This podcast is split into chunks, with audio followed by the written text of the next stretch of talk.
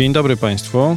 Witamy serdecznie w kolejnym odcinku naszego podcastu. Z tej strony Tomasz Osiej i Michał Czerwecki. Zapraszamy jak zawsze w imieniu Omnimodo, spółki, która zajmuje się dorasłem w zakresie ochrony danych osobowych i co równie ważne portalu GDPR.pl, największego portalu o ochronie danych osobowych, do którego nieustannie odsyłamy, ponieważ materiały, źródła i wszystko to, o czym y, mówimy, znajduje się również tam. I tam Państwo możecie doczytać, na spokojnie przestudiować. My tylko pewne rzeczy Państwu pokazujemy, naprowadzamy i zachęcamy do, do tego, żeby tam sięgnąć. I przechodząc już do dzisiejszego spotkania, wybraliśmy temat, który no, przewinął się już niejednokrotnie, mianowicie marketing. Ale ten temat marketingu tak postanowiliśmy potraktować od strony ogólnie problemów, które są i trochę takiego spojrzenia odwiecznej walki pomiędzy marketingiem, działami, które zajmują się w firmach, czyli generalnie ochroną prywatności, czy w ogóle ochroną prywatności i wyważeniem interesów, co będzie miało też znaczenie. I może zaczniemy od tego, że trochę ponarzekamy na to, co jest w Polsce, bo łatwo nie jest. Co jest albo czego nie ma. To znaczy, ewidentnie w Polsce brakuje nam wytycznych na styku RODO, prywatności i tych regulacji telekomunikacyjnych, jak prawidłowo ten marketing prowadzić. No w szczególności wszyscy czekali, śmy, czekamy i czekać na razie będziemy na jakiś kodeks w obszarze marketingu, który z pewnością rozbiałby większość wątpliwości. Tak, kodeks na pewno by się przydał, ale, ale to też jest tak, że uchylimy trochę ramkę tajemnicy, bo my zajmujemy się ochroną danych osobowych, można powiedzieć, od zawsze i zawsze ten marketing był problematyczny, bo nie było takich twardych wytycznych, jak to ma wyglądać. A dodatkowo jeszcze problem polega na tym, że mamy kilka regulacji. Mamy oczywiście ustawę o ochronie danych osobowych, a wcześniej jeszcze mamy rozporządzenie ogólne. No, ustawa też tam pewne rzeczy wcześniejsza narzucała, no ta może mniej, bo ona nie dotyczy samego marketingu.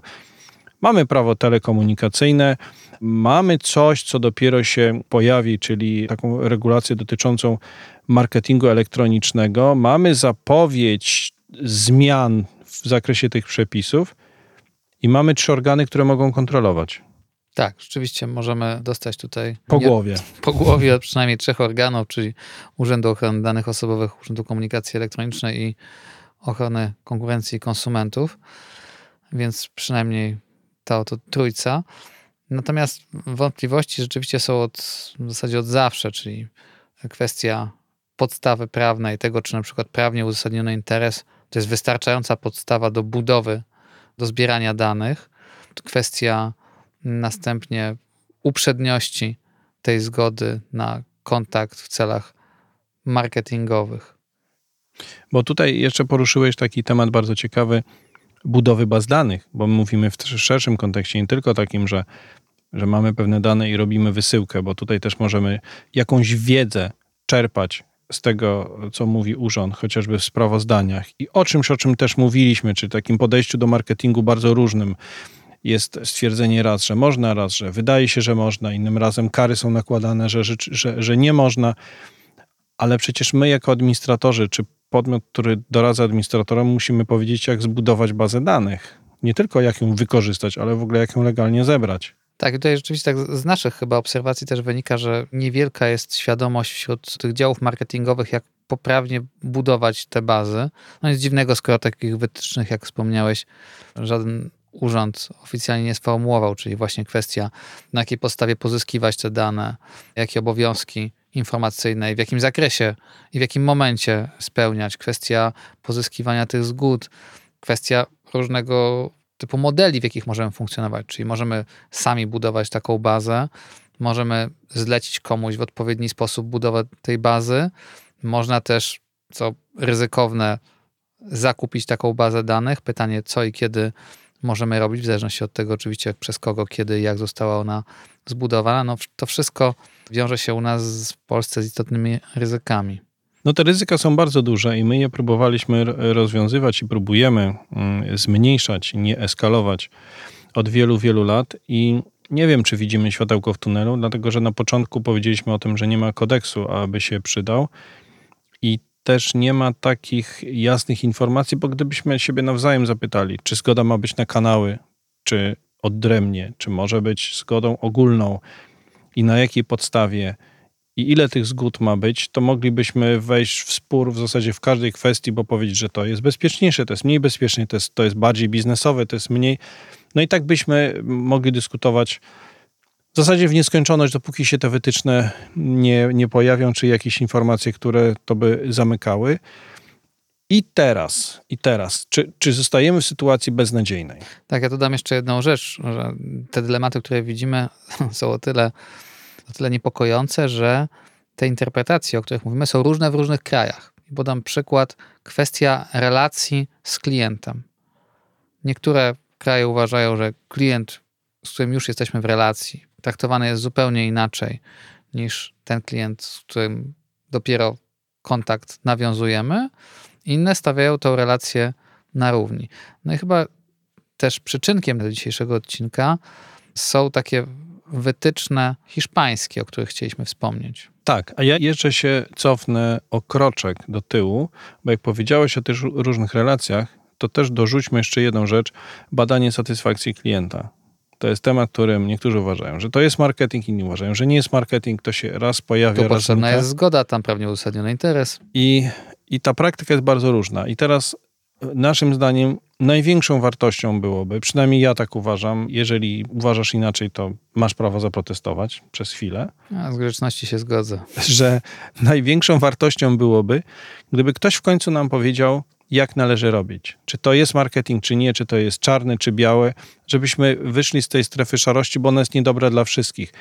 I teraz jeszcze jedna rzecz. Wspomnijmy o tych hiszpańskich wytycznych, bo znowu Hiszpania jest w awangardzie. Nie wiemy dlaczego akurat Hiszpania, a nie na przykład Polska, ale tak naprawdę to jest dokuczliwe dla wszystkich. Jesteśmy użytkownikami, mamy telefony stacjonarne i niestacjonarne i ktoś do nas dzwoni i nas nęka i my chcemy wiedzieć, gdzie jest ta granica. I teraz mówimy o okulniku z 26 czerwca tego roku, okulniku hiszpańskim, który został opublikowany 28 czerwca i stanowi bardzo ciekawy materiał, bo tutaj powiem od razu, że z pewną zazdrością mówimy o dokumencie. Czyli nie tylko lepsza pogoda, ale i lepsze wytyczne. Lepsze wy w ogóle wytyczne.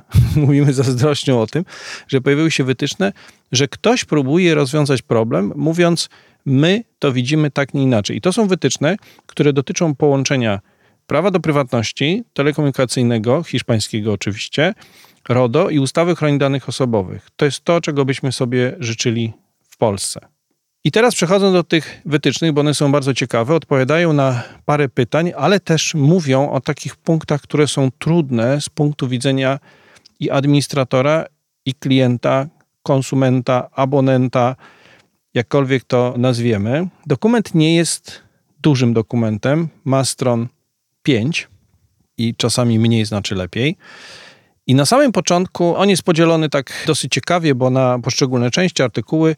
I na samym początku mamy taki rodzaj wstępu, w którym jest napisane, że należy ustanowić kryteria, że bardzo ważna jest e, zgoda użytkownika. Zresztą, jak się czyta ten dokument, to ta uprzednia zgoda od razu pojawia się w wielu momentach, jest powiedziane, że odgrywa no w sumie najważniejszą rolę. Tutaj urząd nie zabiera nam prawa do wyrażenia zgody, ale dostrzega te elementy i takie życiowe i biznesowe, albo inaczej biznesowe i życiowe, których ta zgoda nie jest nam konieczna i nie jest wręcz możliwa, jest bardzo trudna.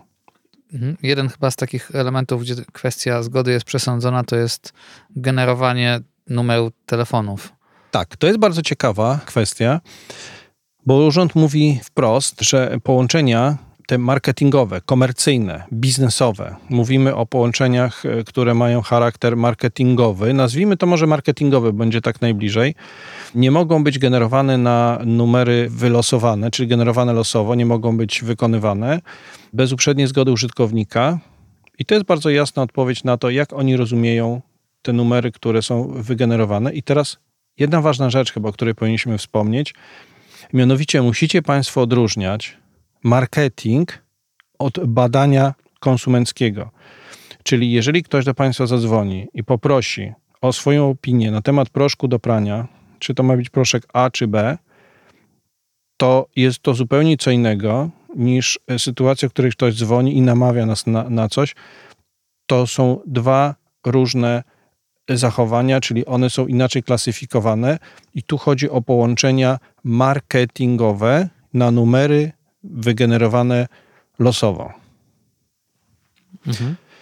Kolejna ciekawa rzecz, znaczy tutaj przez cały ten dokument przewija się zgoda, czyli warunki, jakie musi spełniać. To jest odesłanie wprost do rozporządzenia, do artykułu 6, do rozumienia zgody. Więc to jest tak zwana oczywista oczywistość, więc o tym wspominać nie będziemy. To może opowiemy o tym, jak to jest z tymi naszymi klientami. Co można, czego nie można. To jest pytanie takie, czy w każdej sytuacji i do każdego dzwoniąc musimy uzyskać jego zgodę? Odpowiedź brzmi nie. Są sytuacje, w których możemy skorzystać z zupełnie innych przesłanek, i tu jest ta najsłynniejsza przesłanka, czyli uzasadniony interes, z którym mamy wielki problem w Polsce. Tak, rzeczywiście urząd przy kilku okazjach już tą przesłankę podważał, chociażby przy kwestii przechowywania CV po zakończeniu rekrutacji dla ochrony przed roszczeniami w zakresie dyskryminacji w zatrudnieniu, a także troszeczkę podważa ją w celach biznesowych, w celu dochodzenia ewentualnych roszczeń po zakończeniu trwania umowy, wskazując, że no de facto jeszcze nam się to zagrożenie nie zmaterializowało, czy jesteśmy w takim trochę dniu świstaka. I tutaj bardzo podoba mi się stwierdzenie, które w dokumencie się znajduje. Oczywiście bazując na tłumaczeniu zakładamy, że, że jest takie dokładne brzmienie, że urząd będzie domniemywać albo inaczej nie będzie udowadniał na siłę, a zakłada, że tak jest, że przetwarzanie jest zgodne z prawem, czyli to jest taka deklaracja ze strony urzędu. Bardzo byśmy chcieli, żeby taka deklaracja znalazła się ze strony innych urzędów, a głównie naszego, bo żyjemy jakby w Polsce, że jeżeli istnieje wcześniejszy stosunek umowny, zresztą te punkty są podane i bardzo jasno i klarownie, czyli mamy jakąś relację, jakiś stosunek umowny, po prostu relację z klientem i osoba uzyskała dane kontaktowe, wykorzystuje je do komunikacji, ale co ciekawe, dotyczącej produktów lub usług, które tych konkretnych lub podobnych do tych, które zostały pierwotnie zakontraktowane z klientem, czyli do, co do których on, o które on zapytał, jesteśmy w relacji, czyli rozszerza nam ten katalog, to urząd, mówiąc językiem młodzieżowym wprost, mówi: Nie będę się czepiał. Ale to domniemanie, to domniemanie wprost nie obejmuje, co jest też zaznaczone konkretnie, przekazywania danych innym podmiotom. Czyli w ten sposób i tutaj mówimy o grupie biznesowej i mówimy o celu marketingowym. No i teraz, proszę Państwa, jakie są problemy rozwiązane? Są dwa rozwiązane problemy. Problem numer jeden to jest taki, że możemy, mając relację z klientem, domniemywać, że ten administrator w Hiszpanii jest bezpieczny, jeżeli ma relację z klientem, pozyskał te dane w związku z zamówieniem, usługą, produktem dotyczy tego klienta i podobnym, a jednocześnie nie transferuje tego w sposób ogólny, bez zgody do grupy, nawet grupy biznesowej, ponieważ to już inne podmioty, one nie są w tej relacji. I to jest jasne. Tak, tam mi się bardzo podoba w tych wytycznych taka zasada proaktywnej odpowiedzialności, czyli na przykład oni tu wskazują, że oczywiście należy spełnić obowiązek informacyjny z artykułu 13 lub 14. Natomiast na początku każdej rozmowy, oprócz tego, że podajemy tożsamość, cel, to trzeba dodatkowo wskazać, nawet jeżeli zrobiliśmy to wcześniej, poinformować o możliwości cofnięcia zgody lub skorzystania z prawa do sprzeciwu. A propos tego obowiązku informacyjnego, to jeszcze jest jedna ciekawa rzecz, bo my jesteśmy zafascynowani tymi wytycznymi, które, powtórzę jeszcze raz, mają niecałe pięć stron. Tu jest powiedziane, że obowiązek informacyjny nie tylko mamy przedstawić się jako firma, ale wręcz zakomunikować, w czyim imieniu konkretnie, jakiej osoby wręcz dzwonimy, że to jest wykonanie akcji marketingowej w związku z tym, że jesteś klientem i dzwonię w imieniu, im bardziej doprecyzujemy, tym lepiej konkretnej osoby. Wskazuje się na artykuł 13, 14, wskazuje się na pełną informację. No i my też z tym nie dyskutujemy, to jest ewidentne.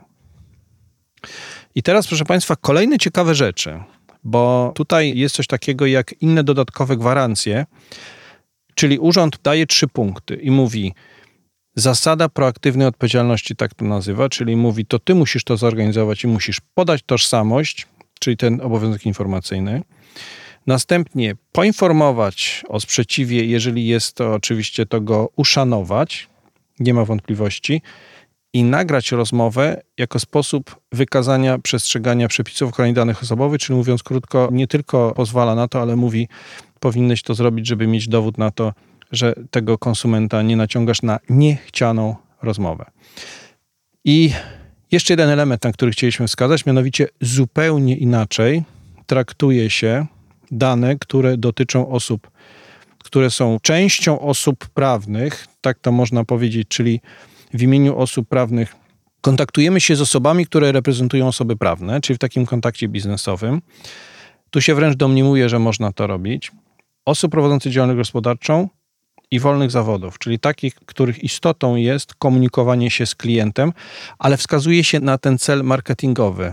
I to jest naprawdę przejrzyste. Tutaj trudno się do tego w jakikolwiek sposób przyczepić, i to są wytyczne organu, który będzie kontrolował. Tak, zachęcamy Państwa do zapoznania się z artykułem na ten temat na stronie gdpr.pl.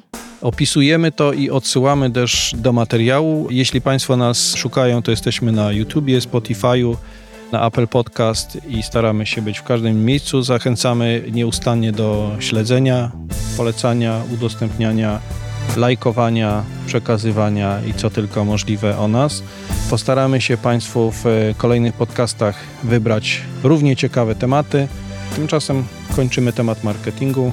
I jak zawsze życzymy spokojnego przetwarzania. Dziękujemy bardzo i do usłyszenia.